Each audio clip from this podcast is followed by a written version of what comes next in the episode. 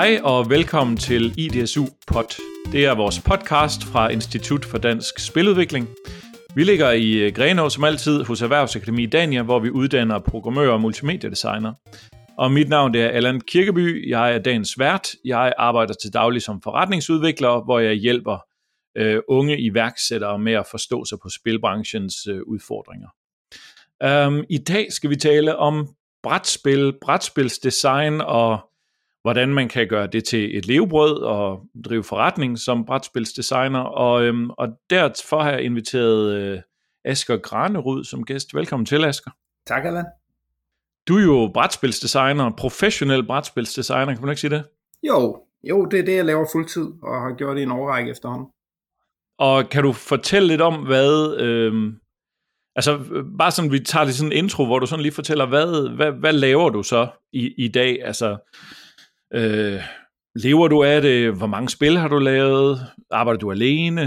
Kan du fortælle sådan en, en, en high-level intro? Ja, jeg lever af det. Øhm, det er en lidt blandet øh, potpourri af ting, jeg lever af. Øhm, det, jeg vil sige, jeg bruger mest tid på, og det er ikke altid rigtigt, men i hvert fald min hoved, det jeg ønsker at bruge mest tid på, det er den simple del, der er designe brætspil. Så ved siden af har jeg også en virksomhed, hvor vi udgiver brætspil. Øh, vi har lige udgivet seks nye brætspil, som så får os op på syv i alt, så det er, øh, det er meget, meget nyt, at der, at der kommer mere i det end som sådan. Øhm, så, så det er det med at designe brætspillene, og så en lille smule at udgive dem. Primært designe dem, og så sælge dem videre til andre. Jeg arbejder sammen med Daniel Skjold Pedersen, og har gjort det i, i ni år nu, øh, og vi designer alle vores spil sammen. Vi har lige inden vi begyndte at designe sammen, udgivet et spil, eller fået udgivet et spil hver især, men ellers er alting, vi har lavet, øh, co-designs. Ja. Og vi har omkring øh, 25 spil udgivet øh, i alt, øh, hvis vi tæller det hele med nu, og hvis vi tæller udvidelser med og sådan nogle ting. Og nogle af dem er allerede gået ud af produktion igen, og sådan er det jo. Men når du så, da du sagde syv, så er det fordi, at det, det er nogen, I sig selv har udgivet? Ja, det er fra vores eget forlag, som hedder Sidekick Games. Der, er vi lige, øh, der har vi tilbage i 2009, lige inden pandemien, udgav vi et spil, der hed Bloomtown, som vi solgte til Walmart.com over i, i USA. Og så nu her faktisk øh, er de kommet, lige kommet på hylderne sidste måned, i juni måned, har vi lavet seks H.C. Øh, Andersen-inspirerede brætspil, som rammer boghandler og souvenirbutikker og så videre rundt i det ganske danske land. Øh, og, og sikkert stadig lige er på vej ud. Det er så nyt i distributørkæden, at det ikke er ude i alle led endnu, vil jeg tro. Spændende. Øhm, øh, det er lidt svært for os at vide, hvem der egentlig lytter med på den her podcast, men, men øh, vores, en stor del af vores målgruppe er jo nok øh, kommende spildesignere, enten i computerspilsbranchen eller, eller brætspil for den sags skyld. Så der er jo nok mange, der også er nysgerrige på, hvordan, øh, hvordan kom du ind i det her? Vi skal nok vende tilbage til forretningen lidt senere. Øhm, fordi øh, jeg tror, sådan har jeg i hvert fald haft det. Jeg har jo altid, når jeg har spillet brætspil, fået idéer til house rules og sådan nogle ting. Så, øh, men det er jo ikke det samme som at kaste dig ud i arbejde professionelt med det. Så øh, jeg er nysgerrig på, hvordan, hvordan startede du med det her? Altså var det bare sådan, fra du var 18 år, jeg skal være brætspilsdesigner? Eller hvordan, hvordan endte du her? Nej, det er, en, det, er en, det er en kringlet historie, men den starter i virkeligheden bare med, at jeg grundlæggende altid har spillet brætspil. Det vil sige, at jeg, jeg tror, jeg lærte øh, skak som 8-9-årig, og, og har aldrig gået i klub eller noget, men har altid spillet det, og spiller det stadigvæk, og har også spillet skak i dag på min telefon. Øh, og inden da spillede jeg også masser af kortspil som Casino og Rummy og så videre, og det har også fyldt noget. Så, så jeg har spillet spil altid, øh, så meget, så det også var naturligt, da jeg kom op i teenageårene, at folk i gave til mig begyndte at købe lidt mere komplicerede spil til mig, som så trak mig med ud i nogle andre spilverdener og mere komplekse størrelser. Øhm, jeg vil tro, at der, hvor jeg lavede min første sådan, øh, spildesign øh, ting, øh, spildesign erfaringer, det var nok i Warhammer-verdenen, Warhammer Fantasy-miljøet. Øh, jeg har lavet leget med varianter til noget skak og sådan noget, og selv lige skruet lidt på ting, øh, men det er ikke noget, jeg har øh, som helt ung, men det er ikke noget, jeg har brugt mange kræfter på. Men, men særligt i det danske Warhammer-miljø, der blev der hele tiden lavet nye regler, altså hver eneste turnering rundt i, i det ganske danske land havde deres eget lille regelsæt. Øhm, og jeg begyndte også at være med til at arrangere noget turnering, hvor vi jo så lavede vores eget regelsæt, og det var at, at virkelig at formalisere og lave nogle, øh, nogle house rules. Øhm, men udover det, så også bare det at skulle tilpasse mig alle de andre regelsæt rundt til de andre turneringer, når jeg tog til deres turneringer, det gør jo også, at man skal have en forståelse for, hvad det er, de har designet, hvis man vil prøve at afkode systemet og være god til det. Så, så jeg, vil, jeg vil sige, at den store sådan, spildesign første erfaring har været fra det her Warhammer Fantasy miljø i, i Danmark. Mm. Så du tænker, at, at det, at Warhammer Fantasy ikke bare var et spil, men nærmest hver turnering havde et sæt af specialiserede regler, gjorde, at øh, man var nødt til at forstå sig på, hvordan sådan noget var skruet sammen. Ja, hvis man som mig har sådan lidt et kompetitivt gen, og det er særligt der, altså jeg gerne vil, vil prøve at aflure systemet og forstå systemet, og ikke bare tage noget med at være der og bare hygge sig, men også prøve at klare sig godt i, i, i det og inden for de rammer, så, så bliver du jo nødt til at prøve at forstå de systemer. Og hvis du spiller rigtig, rigtig meget skak, så bliver du god til systemet skak, men hvis du spiller rigtig mange forskellige spil, eller rigtig mange forskellige systemer, så skal du jo lære at afkode alle de systemer, og du bliver sat ud over for en ny udfordring hver gang i den systemafkodning, hvis man kan sige det sådan. Spilsystemsafkodning. Og, og det bredere erfaring du får, hvor det ikke kun er én ting, du dykker dybere og dybere ned i, det tror jeg, des bedre bliver du til at forstå systemer generelt ude bredt. Altså hvis du har lært 50 eller 100 eller hundredvis af forskellige systemer igen. Det kan man jo også godt få ved bare at have spillet rigtig, rigtig mange forskellige brætspil, og det har jeg selvfølgelig også gjort. Det er der mange andre, der også har gjort. Altså, jeg, altså, jeg har jo fuldstændig den samme opfattelse af, af spil, og øh, min øh, erhvervserfaring kommer jo primært fra computerspilsbranchen, og der var en overgang, hvor jeg øh, gjorde det til en opgave for mig selv at nærmest spille alle spil, specielt hvis de bød ind med noget øh, noget nyt, eller noget, som jeg ikke havde spillet så meget, simpelthen for at forstå, hvordan, øh, hvad, der, hvad der gjorde, at det her spil virkede. Hvad er det for nogle elementer, der var sjove? Um, det lyder lidt som om, du har haft samme indgangsvinkel. Jeg ved, du har nok ikke gjort, tænkt professionelt på det i starten, men du har haft en nysgerrighed, du kunne bruge til noget måske. Og ikke mindre professionelt, end da jeg så var færdig med gymnasiet, så, øh, så gik der lige et år herhjemme, inden jeg gik i gang med noget, og det noget var så at flytte til England og arbejde fuldtid for Games Workshop, bare på telefonsalgslinjen, men absolut med drømmen og håbet om at blive spildesigner for Games Workshop. Det blev jeg så aldrig af en, af en række forskellige årsager, og kom hjem igen og tog en lang universitetsuddannelse, vi ikke behøver at snakke om, som jeg heller ikke brugt noget i dag. Øhm, øh, men, men den der drøm om at at, at, at lave spil, var der i virkeligheden fra en, fra en ret ung alder, og var noget, jeg allerede som 20-årig flyttede til udlandet for at forfølge. Ja. Og så, øhm, så dit første, dit første eget hjemmelavede design, det var så et figurspil, eller hvad? Øh, ja, det ved jeg ikke, om man kan sige. På et tidspunkt, så tog jeg, jeg tog faktisk lidt en aktiv beslutning om, at, hvor jeg sagde, nu tænker jeg, nu havde jeg så længe lavet øh, house rules til forskellige Warhammer øh, scenarier, både øh, Warhammer-scenarier fysisk og turneringsregelsæt og så videre. Øhm, og så tænkte jeg, må ikke jeg skulle prøve at, også at lave et brætspil. Der var en, en, en brætspilsdesign-konkurrence. Øhm, og så tænkte jeg, det kunne da være meget skægt at prøve at lave et selv, og så prøvede jeg at gøre det. Altså, der er figurer med, men det, øh, og, og det står, jeg kan se det her op min prototyp, fordi jeg er nede i min brætspilsklub, mens vi optager det her. Øhm, men det er ikke et figurspil, det, det var et fodboldspil. Ja. Øhm, og specifikt valgte jeg at lave det, fordi at øh, jeg vil gerne give mig selv en, en nem udfordring at starte op med. Og når jeg siger nem, så er det ikke fordi, at jeg mener, at det er nemt at lave et godt fodboldspil. Så er det fordi, at der er så mange ting, hvis jeg vælger at lave et fodboldspil, der er givet på forhånd. Det er givet, at vi har en bold, og vi har nogle mænd, og hvis bolden kommer ind i målet, så er der nogen, der har fået et point. Øh, så der er en masse ting, jeg ikke skal opfinde, og øhm, for at komme i gang. Og den anden ting, jeg gav mig selv som udfordring, det var, at jeg måtte bruge et stykke papir til at skrive reglerne på, altså et af fire. Og det kan godt være, at det endte i størrelse 9, øh, og selvfølgelig begge sider og alt sådan noget. Øh, men det lykkedes, og der var et spil, og det kan stadig spilles den dag i dag, jeg synes stadig selv, det, det er skægt. Men, men det der med udfordringerne omkring det var for, fordi jeg også godt vidste noget om, at det sikkert ikke er det her, der bliver det bedste, så jeg skal prøve at give mig nogle, selv nogle tydelige rammer for ligesom at komme i gang med det. Ja, for det er jo en faldgruppe. Øh, vi to, nu kender vi jo hinanden fra, fra forskellige ja. design events og sådan noget, så, og vi sidder jo tit og også øh, taler med, med nye designer, der er i gang med deres første spil, og der synes jeg, at en af faldgrupperne er jo tit, at, at, at man, mange designer kaster alle deres idéer ind i deres første forsøg på at lave et brætspil. Øh, det er jo ret interessant, at, den, at det faldt du ikke ned i. At du med det samme tænkte, lad os være lidt effektiv med det her. Og det er jo sådan, jeg kender dig. Du, du er jo meget effektiv i din måde at tænke design på, hvis man kan bruge det udtryk. Ja, og noget af det skylder jeg i virkeligheden en af mine gode venner, Claus Jørgensen her fra Warhammer-miljøet, som også er en, jeg har arrangeret Warhammer-turneringer med i, i, i en årrække. Fordi at til, til den turnering, vi, vi lavede, det var Giant Fanatic inde på remissen på Østerbro, Øhm, da, da, han, han kunne ikke lide, når han tog ud til de her turneringer, at der var store, komplicerede regelsæt, han skulle sætte sig ind i.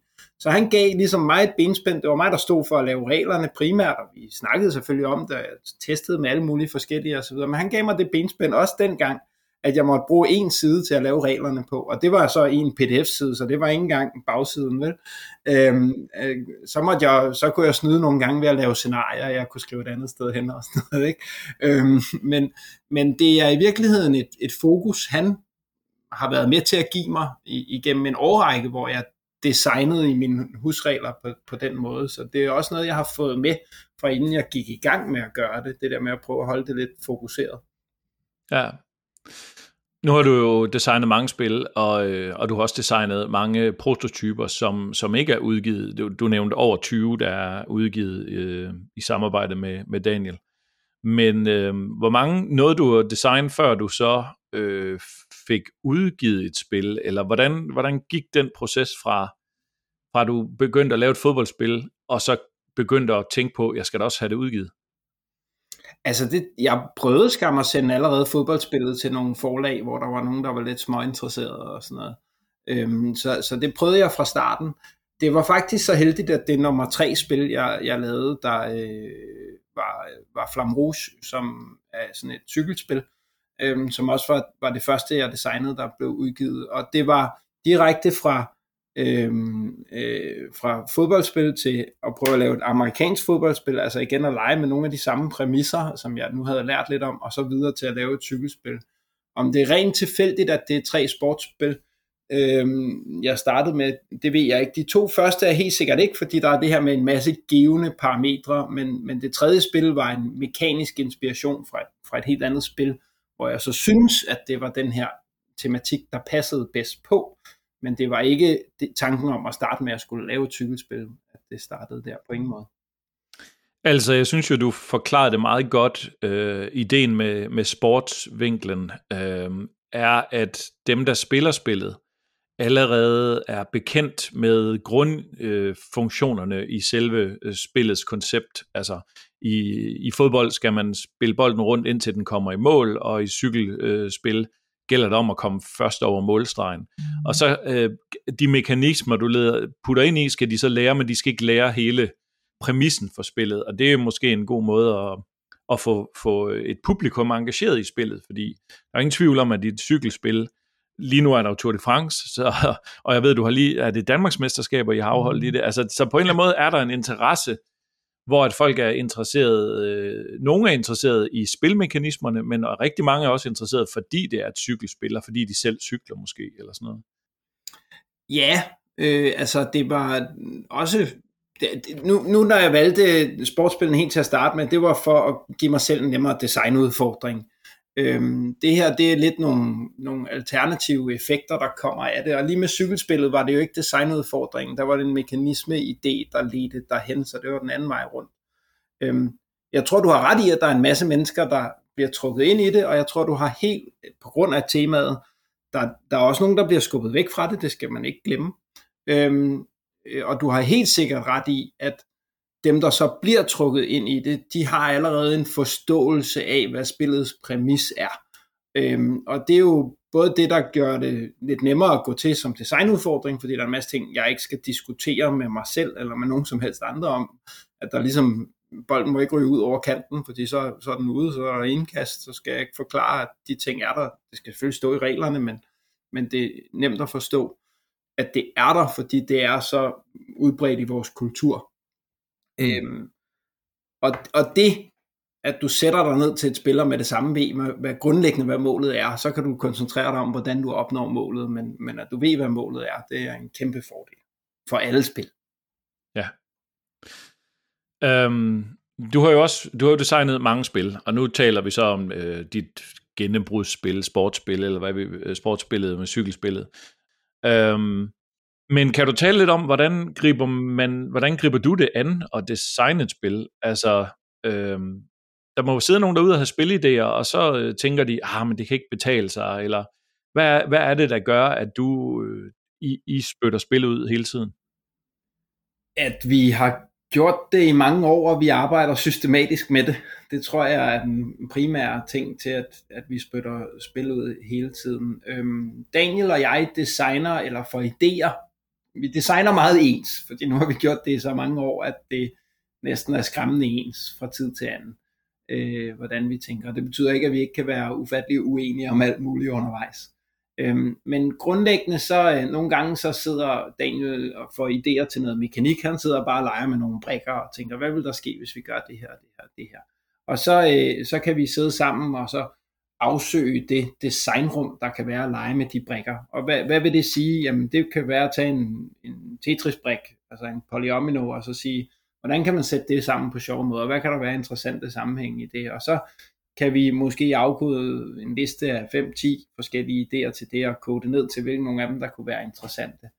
Øhm, det, det kunne være en måde at gå til det på. Det kunne også være øh, at kigge på en dominobrik. Hvordan kan man bruge den? Det ledte jo sandsynligvis, jeg kender ikke designprocessen til det, men til spil i vinderen King Domino.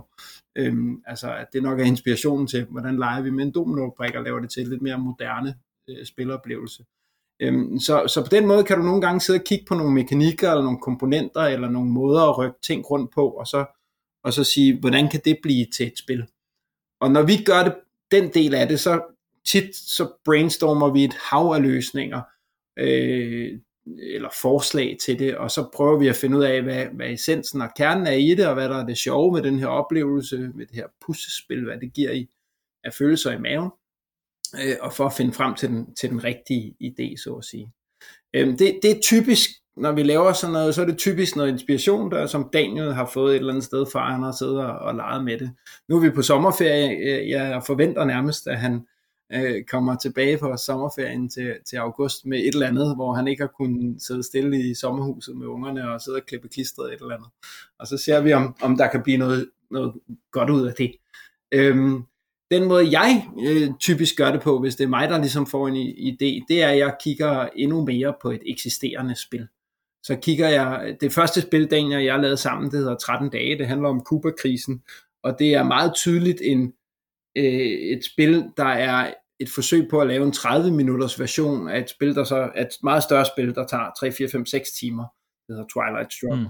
Øhm, så, så der kigger jeg på, hvor, en oplevelse i et andet spil, og siger, hvordan kan jeg bruge det til at lave øh, noget andet, eller hvad savner jeg fra det, eller hvad kunne man gøre anderledes i det.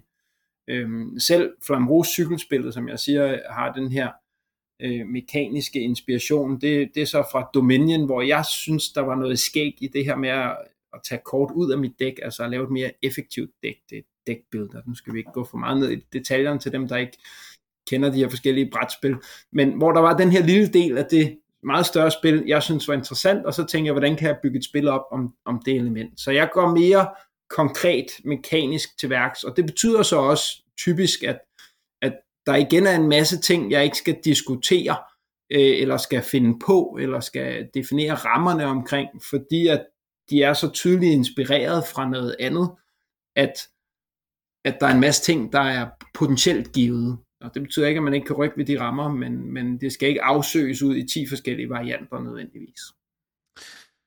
Og, og øh, det er jo vildt interessant, men jeg sidder jo også og, og tænker på den øh, udvikling, øh, jeg gætter på, du har været igennem som designer, og som jeg også kan kende fra mig selv, altså hvor man starter med at lave sit første spil. Og når man laver sit første spil, så er det så er det, det spil, man arbejder på, fordi det er det eneste, man har for øje i den periode. Øhm, og så laver man måske spil nummer to, og der har man også øje for et spil.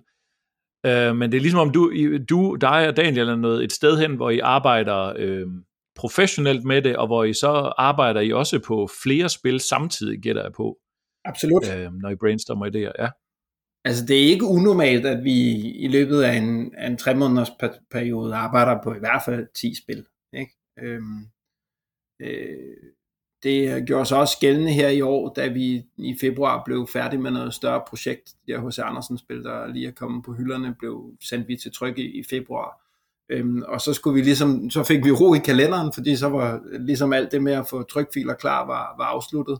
Og så kunne vi koncentrere os om at lave nye spil, og i den efterfølgende tre måneders periode, der fik vi arbejdet på 10 forskellige spil. Øhm, mm. Hvis når du gør det fuldtid, så øh, er en af de begrænsende faktorer, det er at få, få spil testet. Øhm, og, og når du så endelig får samlet nogle spiltester til at teste dine spil, øh, og de sidder hernede i nogle timer, så med mindre at du har noget, der er, er helt færdigt, og nu skal bare balanceres og udvikles, så, så vil du ikke sætte den samme gruppe mennesker til at sidde og spille det 5, 6, 7, 8 gange.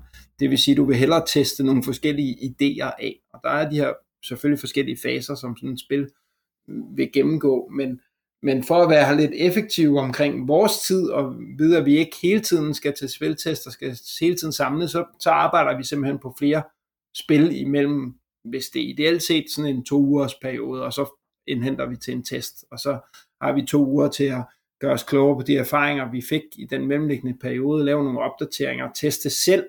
Det er jo en af fordelene ved at være to. Der er mange ting, kan vi teste selv.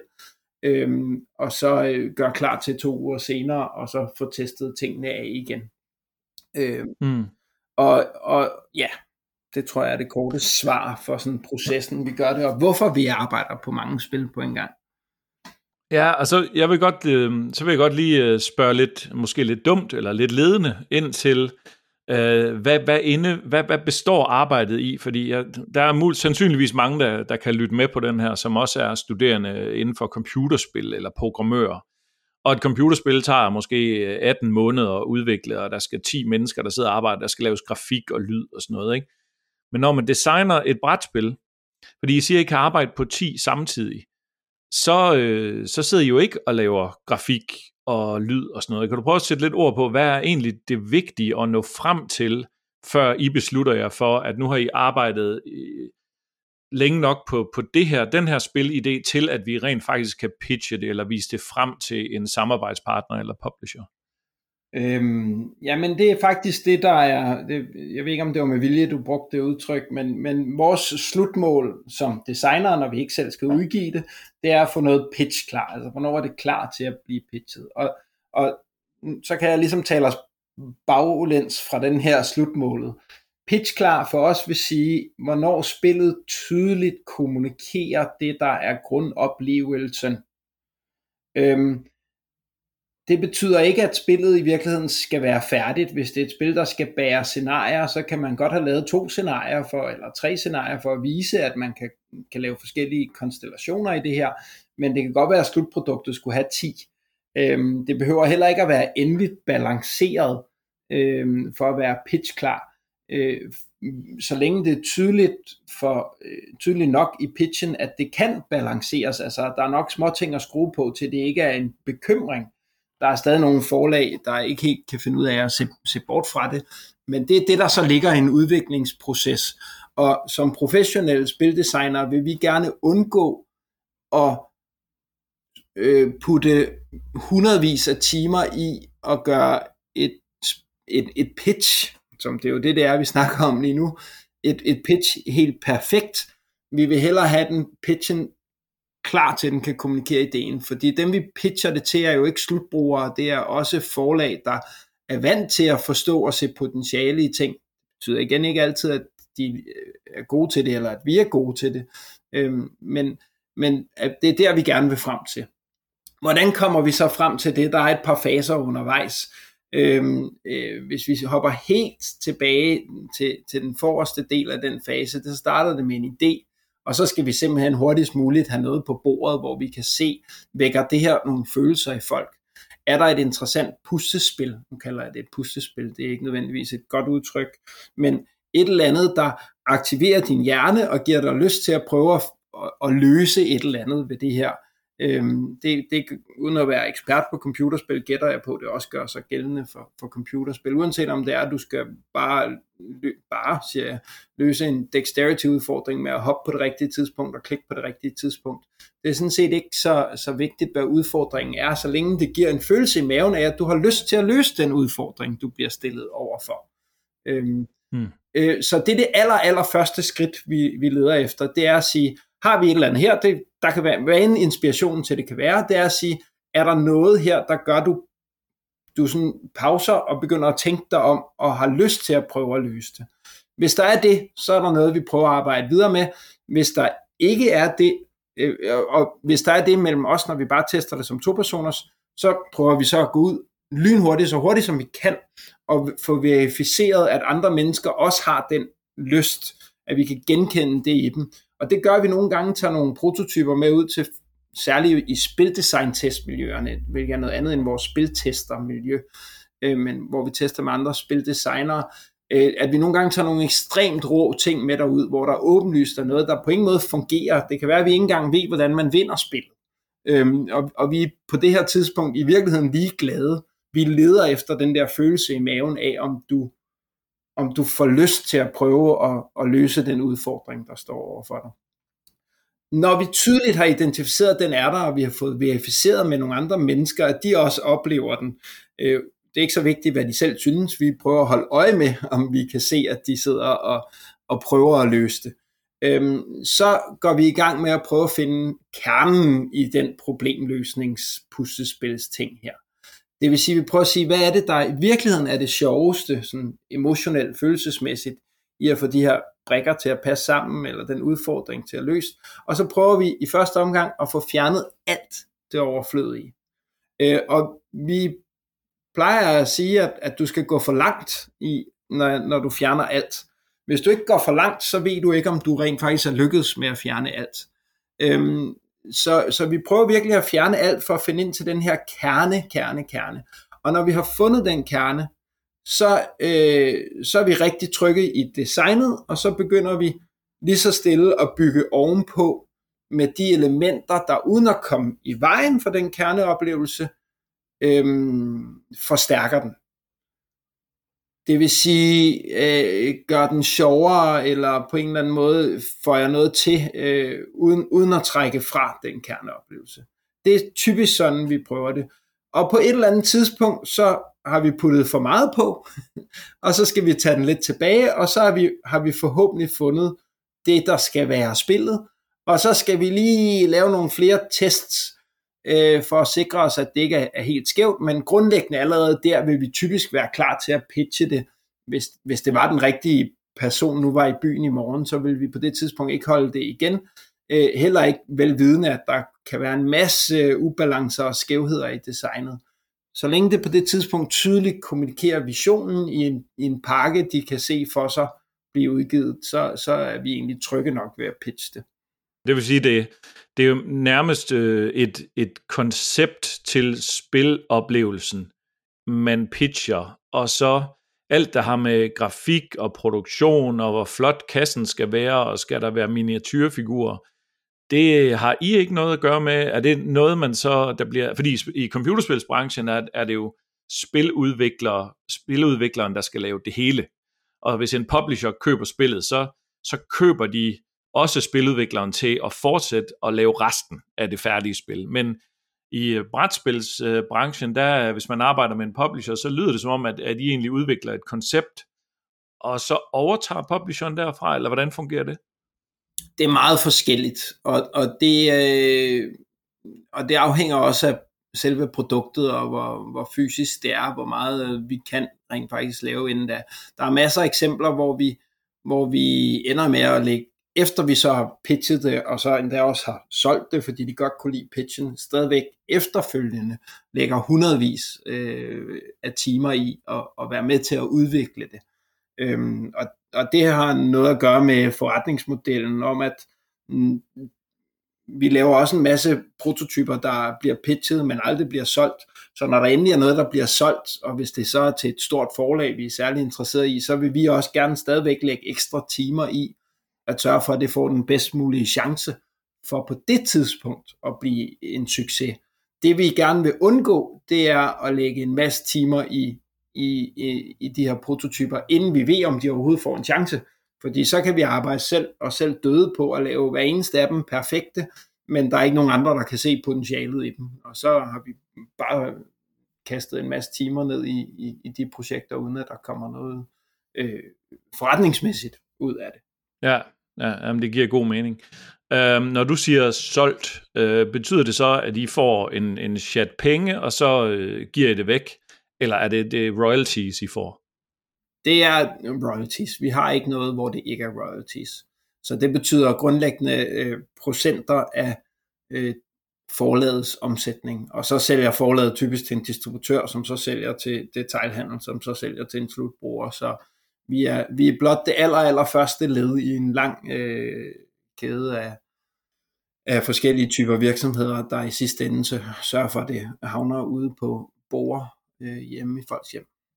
Ja, ja, og det er jo sammenligneligt med øh, mange computerspils øh, samarbejdsaftaler mellem øh, computerspils publishers og computerspils udvikler teams.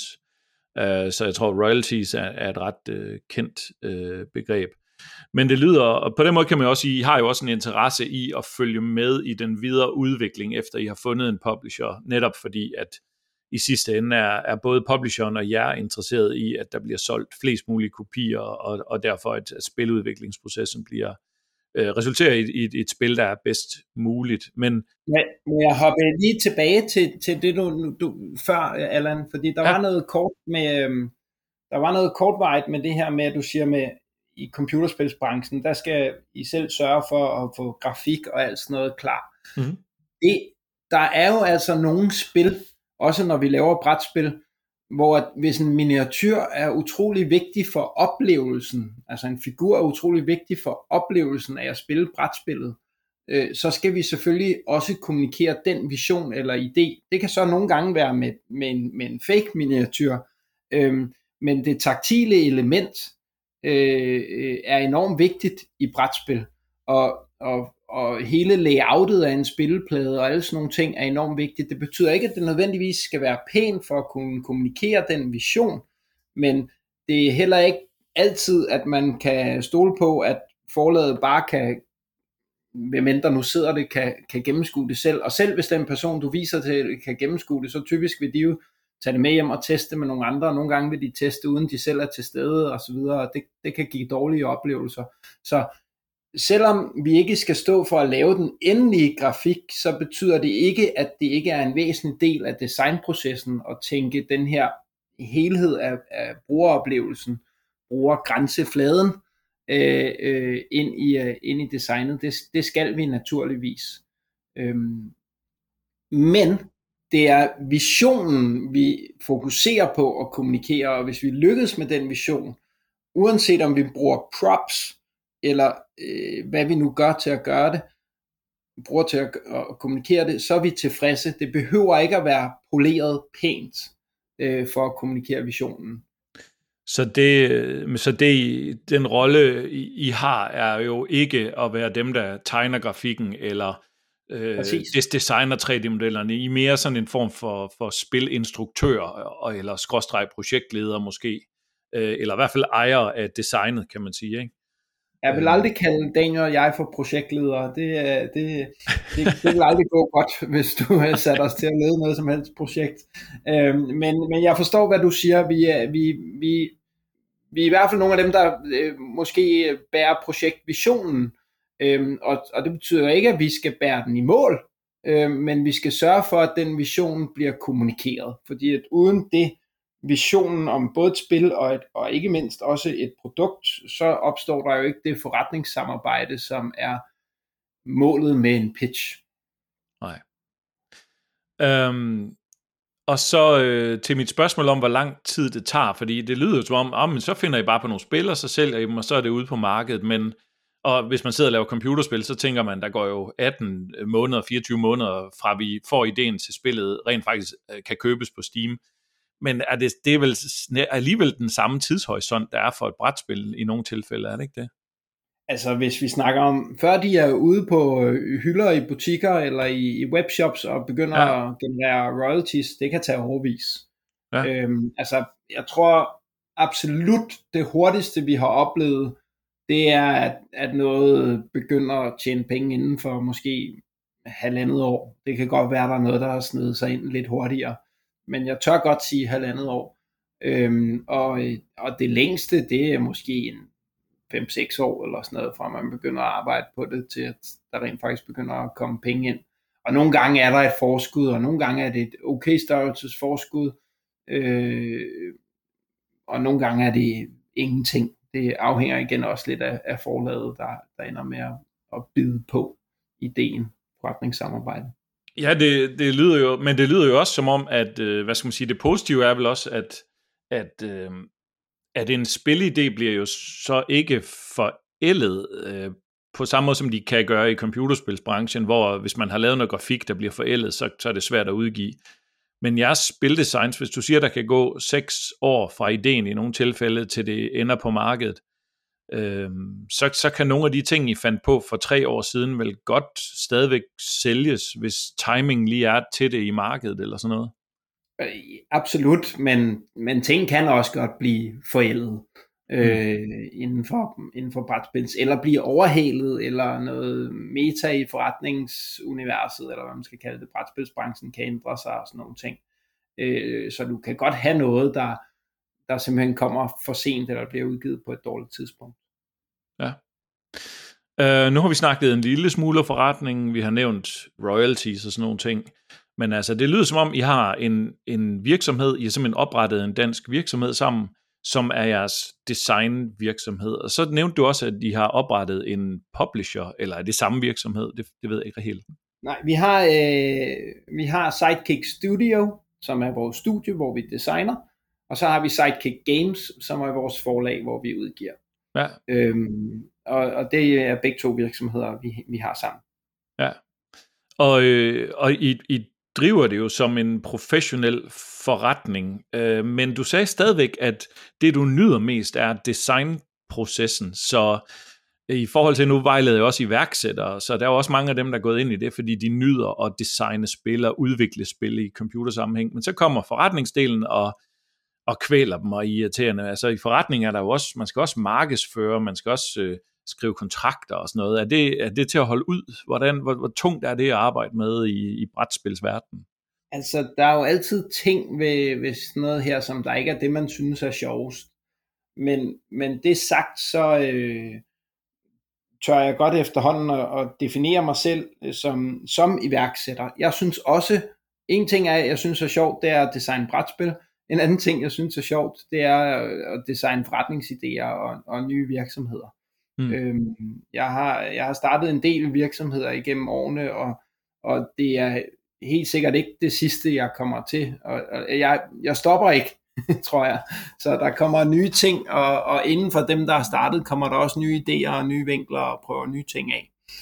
Øhm, så det er jo også en slags system, altså en virksomhed og en forretningsidé og et marked og så videre, som man kan, man kan prøve at afkode og aflure. Øhm, jeg, jeg synes, det er okay øh, at, at, at, at have de her lidt kedeligere kontraktting og så videre. Øh, og det er ikke noget, der er jo nogen, der, der gerne vil ligesom prøve at forberede sig på det, på det hele og alle eventualiteter og så videre, og det, det, er ikke, det er ikke mig, så jeg er mere sådan at, at kaste mig ud i det, og så løse problemerne, når de opstår, hvis de opstår, fordi det er ikke engang altid, at, at de opstår. Øh, og det tror jeg også gør, at jeg med et lidt lettere hjerte går til det her, de problemer, der, der nu engang kan være. Mm. Øh, øh, og det, det, det har man ikke sagt, det er en løsning for alle. Øh, det er bare for at forklare, hvordan det, det virker for mig.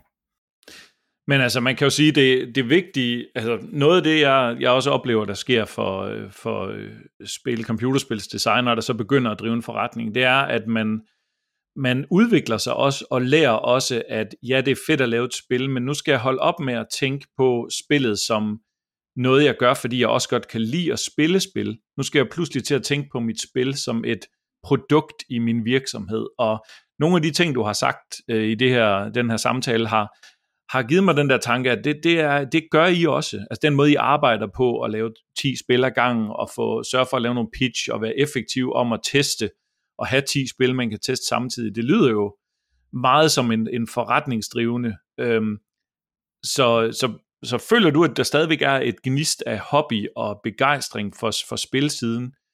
Kan du få de to ting til at spille sammen? Øh, heldigvis øh, rigtig, rigtig meget. Øh, jeg synes, det spiller godt sammen. Og igen, det betyder jo ikke, at der ikke nogle gange er opgaver, jeg hellere vil, vil være fri for. Øh, jeg er jo så heldig, at jeg kastede mig over det her fuldtid på et tidspunkt, hvor jeg havde og drev en anden virksomhed, øh, men besluttede for at skære det fra, fordi jeg gerne ville undgå at skulle have medarbejdere og skulle svare på så få e-mails som muligt. Øhm, og, og det der sniger sig ind af e-mails i den forlagsvirksomhed, vi så har nu, øhm, håber jeg også på, at, at og har, har vi også en plan for, at, at det heller ikke skal være os, der skal være den primære drivende kraft i det. Mm. Øhm, øh, og, og så må man jo se, om man kan indgå nogle forretningssamarbejder for at skrue det sammen på en måde, så man, man kan lave det, man er, er bedst til og synes er sjovest. Øh, og der er en masse ting i det her, som, som der ikke, altså, hvor der findes nogle standardkontrakter, øh, men typisk når vi laver et, et, et samarbejde med et forlag, så er det deres kontrakt, vi læner os op af, så det er ikke os, der skal udarbejde kontrakten fra bunden. Vi skal sige, det der er vi ikke glade for, det der skal ændres, og, og så videre. Vi skal gå ind og lave rettelser til det, og, og når vi sælger til et forlag, så er det heller ikke os, der skal markedsføre det. Det betyder ikke, at vi ikke kan dele det på vores egen personlige private SoMe-platform, men, men det er det er ligesom forlagets ansvar at, at, at, at hyre, free, hyre grafikeren og illustratoren og stå for produktionen og så videre, når, når vi ikke selv er forlag. Øhm, og, og det er også deres ansvar at markedsføre det ud i verden. Når vi, når vi er forlag selv, så er det heller ikke vores ambition, at vi skal være distributører i vores lokalmarked, så vi vil gerne producere nogle ting, hvor der så er en distributør, der køber det, og når en distributør har købt nogle tusinder af et spil, så har de jo en interesse i at få dem solgt, øh, fordi ellers så har de jo bare tabt penge på det. Det vil sige, markedsføringen ender hos distributøren, og, og selv hvis jeg skulle markedsføre det, så skulle jeg markedsføre det globalt, fordi at, øh, jeg er jo ikke specialist i, hvordan jeg markedsfører det i både Italien, Spanien, Portugal og, og Frankrig, og for ikke at snakke om Sydkorea og Australien øh, og Brasilien. Øhm, så, så der er en masse af de her opgaver, vi som forlag også, jeg vil ikke sige uddelegerer, men afgrænser os selv fra at skulle koncentrere os om. Mm. Øh, fordi det faktisk ikke er os, der sælger spillet ud til slutbrugeren. Øh, der er en, igen en masse af de her led imellem, som der påtager sig en masse af de her opgaver. Det lyder ret smart, det der med at have fokus på, hvad man selv nyder, fordi så man ikke ender med at blive kvalt af opgaver, man ikke nyder, og så samtidig sørge for at lave nogle forretningsaftaler, øh, hvor at man på sin vis uddelegerer eller fordeler opgaverne på en måde, sådan at, at, at dem, der har den største interesse i at få en eller anden bestemt opgave løst, også er dem, der gør det. Øhm, jeg ved ikke, om det er sådan øh, meget bevidst struktureret, det er endt sådan, men det er nu også sådan strukturerne er med samarbejde, som du forklarer med en distributør i Italien for eksempel. Nemlig. Øhm, det, det er lidt bevidst. Det er jo igen et system, man kan kigge på og tænke over, øh, hvordan man kan, kan aflure. Øhm, ja. og, og det er jo det, det eneste, som kun Daniel og jeg kan lave i hele den her værdikæde, og som ingen andre mennesker nogensinde kan lave, det er idéerne til vores spil. Mm. Øhm, og, og alt andet øh, er i virkeligheden noget, øh, der er nogle andre, der... Des mindre vi laver af alt muligt andet, ja. des mere kan vi gøre det, som kun vi kan gøre. Alt, ja, andet, præcis. alt andet i den her værdikæde kan i virkeligheden håndteres ikke af en person, men af mange forskellige personer. Og det betyder ikke, at, at når det kommer til det præcise marked i, i Italien, at der så i praksis kun er øh, fem distributører eller sådan et eller andet, så der kun er fem, der kan gøre det i praksis. Men, men der kunne opstå en sjette, der kunne gå ind og gøre det. Det er bare en distributør, det er et lager og nogen, der skal sælge og noget netværk og nogle salgskontakter. Der er ikke nogen, der kan få idéerne til vores spil. Så hvis jeg skulle vælge, hvad jeg helst kun vil lave, så ville det bare være den her kreative proces om at finde på de her nye ting, og ikke stå for eksekveringen af det andet. Grunden til, at vi også har forlaget, det er fordi, at vi jo så også laver så mange af de her spil, så nogle gange er der bare nogle idéer, der virker så oplagte øh, og så gode, øh, at, at dem tænker vi, at det er sjovere ikke at sælge dem videre, men i virkeligheden selv at, at håndtere dem. Og nu er vi ved at være, hvor vi synes, vi har viden og kapaciteten til at kunne, kunne gøre det. Og det er ikke altid bare, at ideen i sig selv skal være så god, at vi så beslutter os for at gøre det, fordi at det har også en erkendelse af, at vi ikke er noget kæmpestort forlag med en stor stab af mennesker, der kan alt muligt øh, fancy omkring produktion. Så hvis det er noget, vi vælger selv at udgive, er det typisk også noget, der er relativt nemt at få produceret, mm. øhm, og ikke har alle mulige besværlige komponenter og produktionsprocesser og alle sådan nogle ting. Øhm, hvis, hvis det har det, så vil vi, selvom vi synes, ideen er fantastisk, nok rigtig tit stadig pitch det ud i verden. Øh, fordi der er nogle andre, der så har de kompetencer og er bedre til det, end vi er.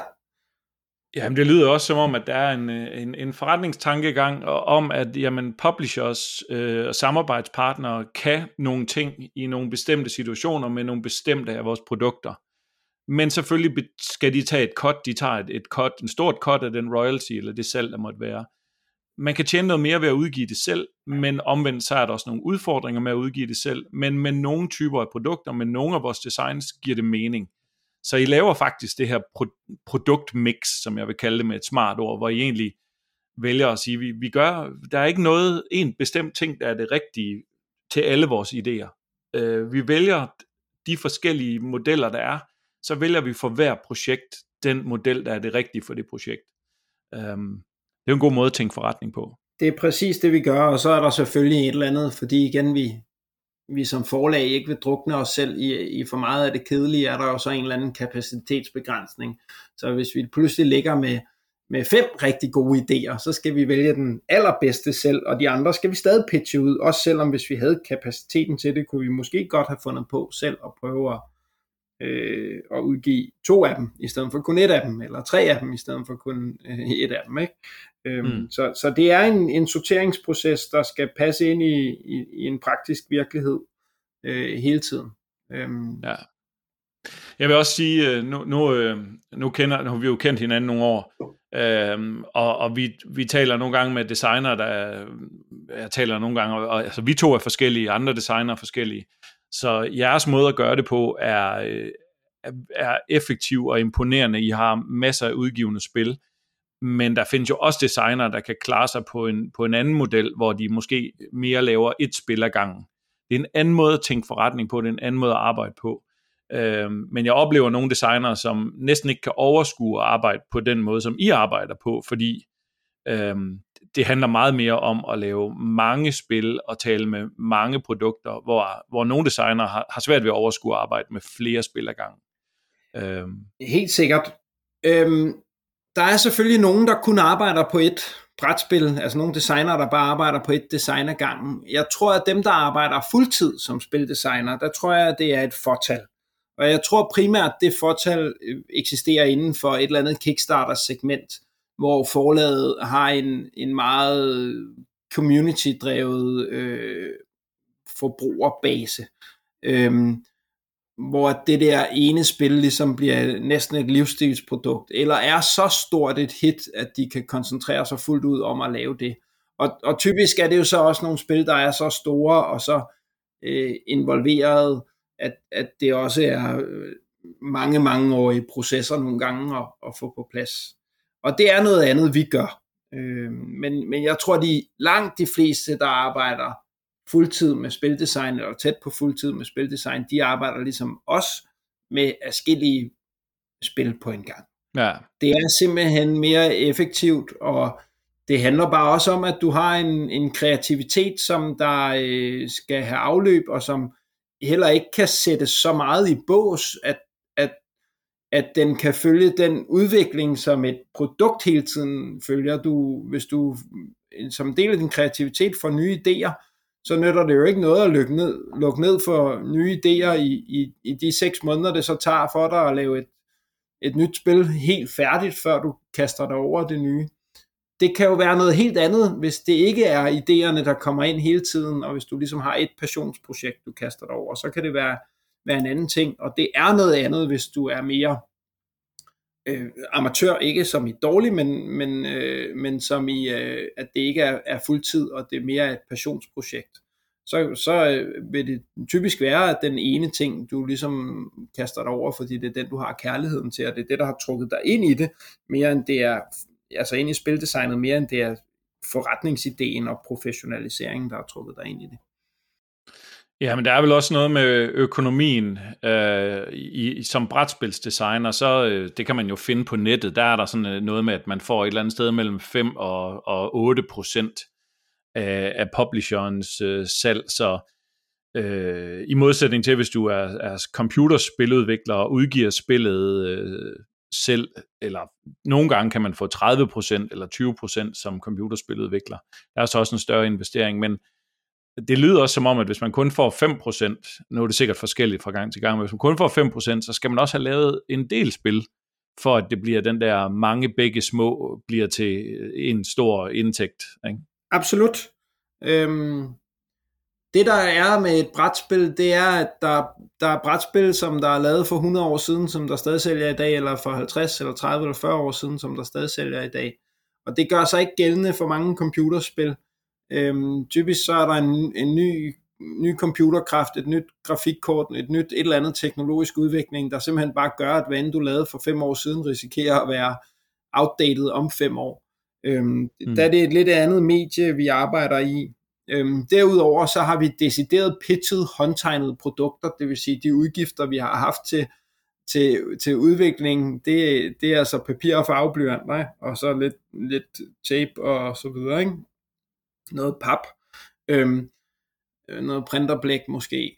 Øhm, så, så forretningsmodellerne er så enormt forskellige i forhold til det her med også at lave 10 forskellige ting. Det, jeg kan jo sagtens have brugt mindre end 500 kroner i alt på at have 10 spil, der er blevet øh, pitch klar. Øhm, øh, så, så det kan ikke på nogen måde rigtig sammenlignes op mod forretningsmodellen, hvis vi igen snakker om systemer. Det mm. system, der er øh, computerspilsbranchen er bare så væsensforskelligt, når det kommer til en masse af de her parametre, uden at jeg er ekspert.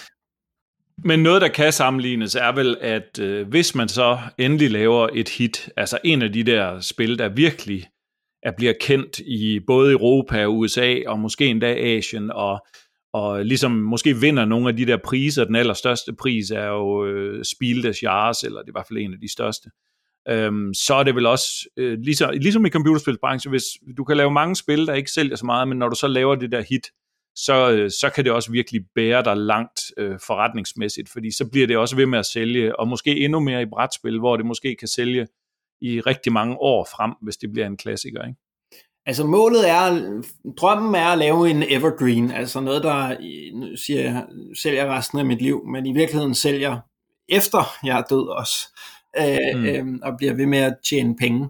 Øh, det, det er drømmen om målet. Øh, og måske, man kan jo ikke vide det, fordi det ved man først efter man er død, jo, eller hvis det er fejlet, men altså så længe, måske er jeg lykkedes med det med Flam Rouge, som stadig sælger, og som der indtil corona havde konstant opadgående salgstal år for år. Øhm, og og det kan man sagtens øh, leve af, af det der ene spil, øh, og, og leve fint af. Og det er jo så den her helt royalty øh, indtægt, hvor du ikke selv skal i virkeligheden gøre noget ved det, der bare kommer mm. ind år for år. Jeg er lidt ligesom en, øh, en, en forfatter, der, der skriver bøger, hvis man laver den der hitbog. Eller hvis du er musiker og laver en sang, eller hvis du, altså alle mulige forskellige kreative erhverv, at hvis du, øhm, der, der, det kan være svært at slå igennem, og der kan være lang vej derhen, øh, og, øh, men hvis du laver det der ene hit, så, øh, så, øh, så kan det bære dig resten af vejen. Øh, ja. Ja. Men det er svært at lave, det er svært at, at, at lige ramme rigtigt, og så være den, der laver det, det næste Uno, eller ja. hvad man nu skal kalde en Evergreen, ikke? ja, ja, et af de andre firmaer, jeg, jeg har haft, det er et firma, der hedder Spilbræt, som er en dansk øh, distributør af brætspil, og da jeg stiftede det og sad med det, så så jeg også igennem, jeg havde jo hundredvis, mere end tusind spil i, i forskellige titler i katalog, som var på lager og blev solgt ud i Norden. Og jeg så også, at vi år efter år prøvede at tage ind i virksomheden de nye hits. Hvad er det, vi skal oversætte? Hvad er det, vi skal satse på? Og så videre. Og, og det var nærmest umuligt at forudsige, hvad mm. det var, der blev et hit. Så det, mm. jeg beskriver dem både som distributør allerede dengang, hvor den terminologi, jeg lidt brugte med nogle kollegaer om det, det var, at det, det, det er lotterisedler. Øhm, og en ting, der gør sig gældende ved lotterisedler, det er, at det er bedre at have mange, end at have få. Øhm, og det er jo derfor, vi laver 10 forskellige, og vi kan gøre det for 500 kroner eller mindre, øh, lave de her mange lotterisedler. Det er fordi, at selv når vi tror, vi ved, hvad der bliver et hit, øh, så har vi taget fejl igen og igen og igen, og nogle gange bliver vi overrasket, at det vi ikke tænkte ville være nemt at få pitchet og få solgt og kunne gå ud og blive noget, er så det, der bliver det.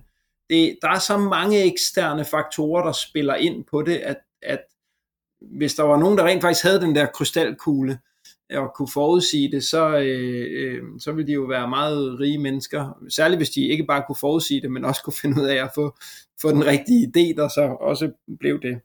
Jeg, jeg tror på, at det nyeste spil, vi, der lige er annonceret her fra Days of Wonder, øh, som er vores øh, bilracerspil Heat, som er sådan noget 1960'er nostalgi Formel 1 racing, øh, at det bliver et hit, fordi jeg tror, det er så, så godt et solidt et spil, og der mangler et til lige præcis det segment, hvor vi synes, vi lander.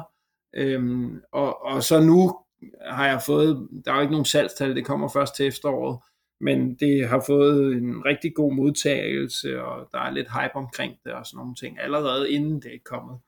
Øhm, så, så det kunne godt være håbet, at det kunne blive den næste, som hvis vi er heldige, kunne gå hen og blive en, en evergreen.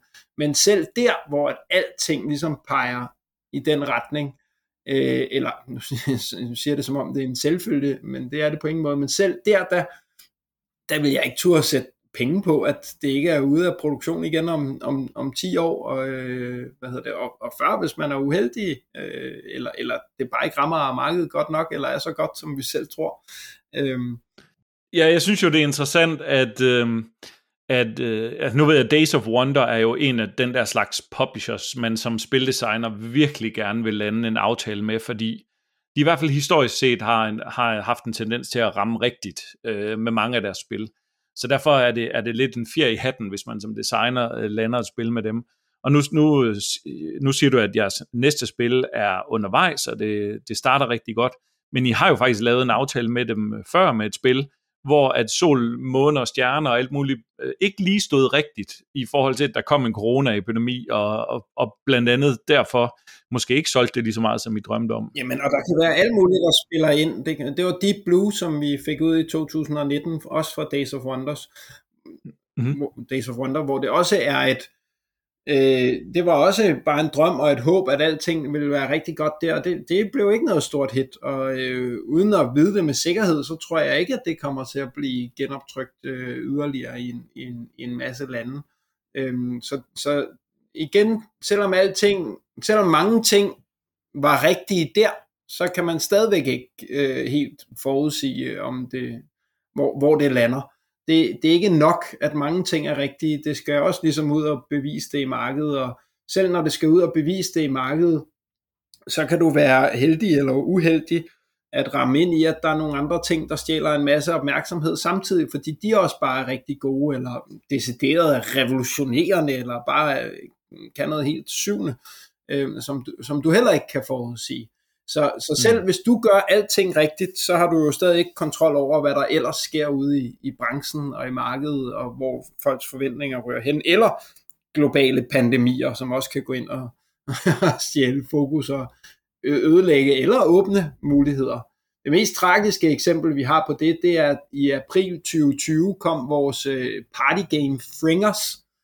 Det er et ordspil på fingers og rings, Øhm, mm-hmm. Hvor at, øh, det, det er et partygame for 3 til 10 mennesker, og læg lige mærke til det, jeg siger april 2020, det vil sige, det har jo været undervejs længe inden, og det har været på, på øh, hvad hedder det, containerskib fra Kina, øh, også øh, hvad hedder det, inden der reelt var en pandemi for overhovedet at komme på markedet der i april. 3 til 10 ja. mennesker med ringen på hænderne, hvor du skal samarbejde, og det du skal sidde i de her store grupper mennesker er, at du skal men det der er ligesom er spillets begrænsning, det er, at du ikke selv må flytte de ringe, der sidder på din hånd. Det skal din nabo gøre. Øhm, mm. Det vil sige, at du skal sidde og røre hinandens hænder i store grupper mennesker og, og april 2020. Oh, ikke? Altså, det, ja. det, det, er jo, det, det, det bliver nok, altså, det kunne også godt være, at om fem år, at det stadigvæk ikke er noget, folk vil, vil spille, altså, øh, fordi der er lidt øh, bakt- forståelig bakterieforskrækkelse, virusforskrækkelse. Ikke? Øhm, du kan ikke kontrollere de her ting. Du kan gøre alting rigtigt. Det siger jeg ikke, at vi gjorde der, men du kan gøre alting rigtigt, og det kan stadig bare ramle om ørerne på dig. Så det du kan gøre, når du ikke kan kontrollere det, det er, at du kan indse, at en del af systemet, hvis vi snakker forretningen igen, er, at du ikke kan kontrollere det. Øhm, og øh, når den indsigt så er kommet, så øh, den måde, du kan prøve at omgå det, det er igen ved at lave mange lotterisedler. Fordi ja. fraværet af kontrol, så kan du øh, skyde mange gange på mål. Og des flere gange du skyder på mål, så er der en, en sandsynlighed for, at du på et eller andet tidspunkt rammer målet. Øh, et sted, hvor der ikke lige stod en målmand. Øhm, og, og det betyder ikke, at jeg har kontrol. Det betyder, at, at vi opgiver kontrollen og, og accepterer, at det ligesom er, er branchen og miljøet. Og ja, måske øh, opgiver, øh, eller måske kan man lettere slippe for den der angst for at fejle, fordi man ikke gør det godt nok. Hvis man ligesom kan erkende, at selv hvis jeg gjorde alt perfekt, kan det falde helt fra hinanden. Så måske skal jeg egentlig øh, undgå at bremse mig selv via den bekymring, og så bare nyde og kaste mig ud i det, og sørge for at lave en masse spil, og så øh, fordi jeg ved, at jeg selvfølgelig gør en god indsats, jeg skal ikke bare gøre det sådan halvvejs, men så, så ved at lave en masse spil, så øger jeg chancen for antallet af lotterisedler, og så øh, vil der på et eller andet tidspunkt forhåbentlig være en af dem, der klarer sig rigtig godt.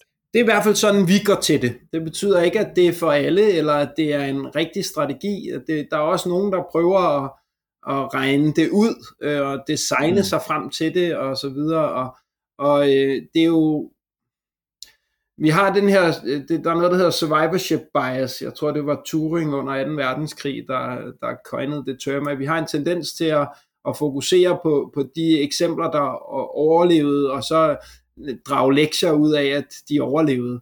Øhm, øhm, men hver eneste gang vi fokuserer på den her, den her person, der har arbejdet på det her enkelt projekt, som gik ud og blev kæmpestort hit, ikke? Øh, og vi virkelig kan se dem som, som succeser og så videre. Øh, det, det er jo statistisk skal det ske før eller siden. Øhm, naturligvis skal det det, men, men hvis vi ikke husker at kigge på de, nu siger jeg hundredvis, som om at jeg ved, hvilket tal det er, men, men nu siger jeg hundredvis af mennesker, der har også har gået og arbejdet på de her enkelte projekter, uden at de nogensinde er registreret på en radar øh, nogen som helst steder. Så øh, så får vi ikke et retvisende billede af, hvad det vil, vil sige øh, at, at gøre det som en forretningsstrategi.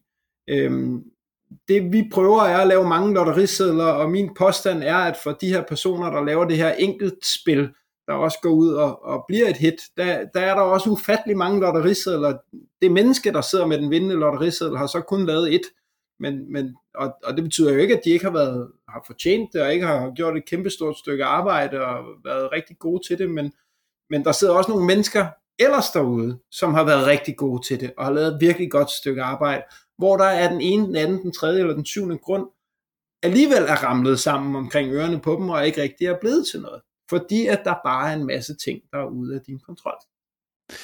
Så, øh, så lav en masse spil. Det må, være, det må være pointen herfra. Ikke mindst, at når du laver en masse spil, bliver du også bedre til at lave spil. Altså hvis du skyder meget på mål med din, så bliver du bedre til at skyde på mål.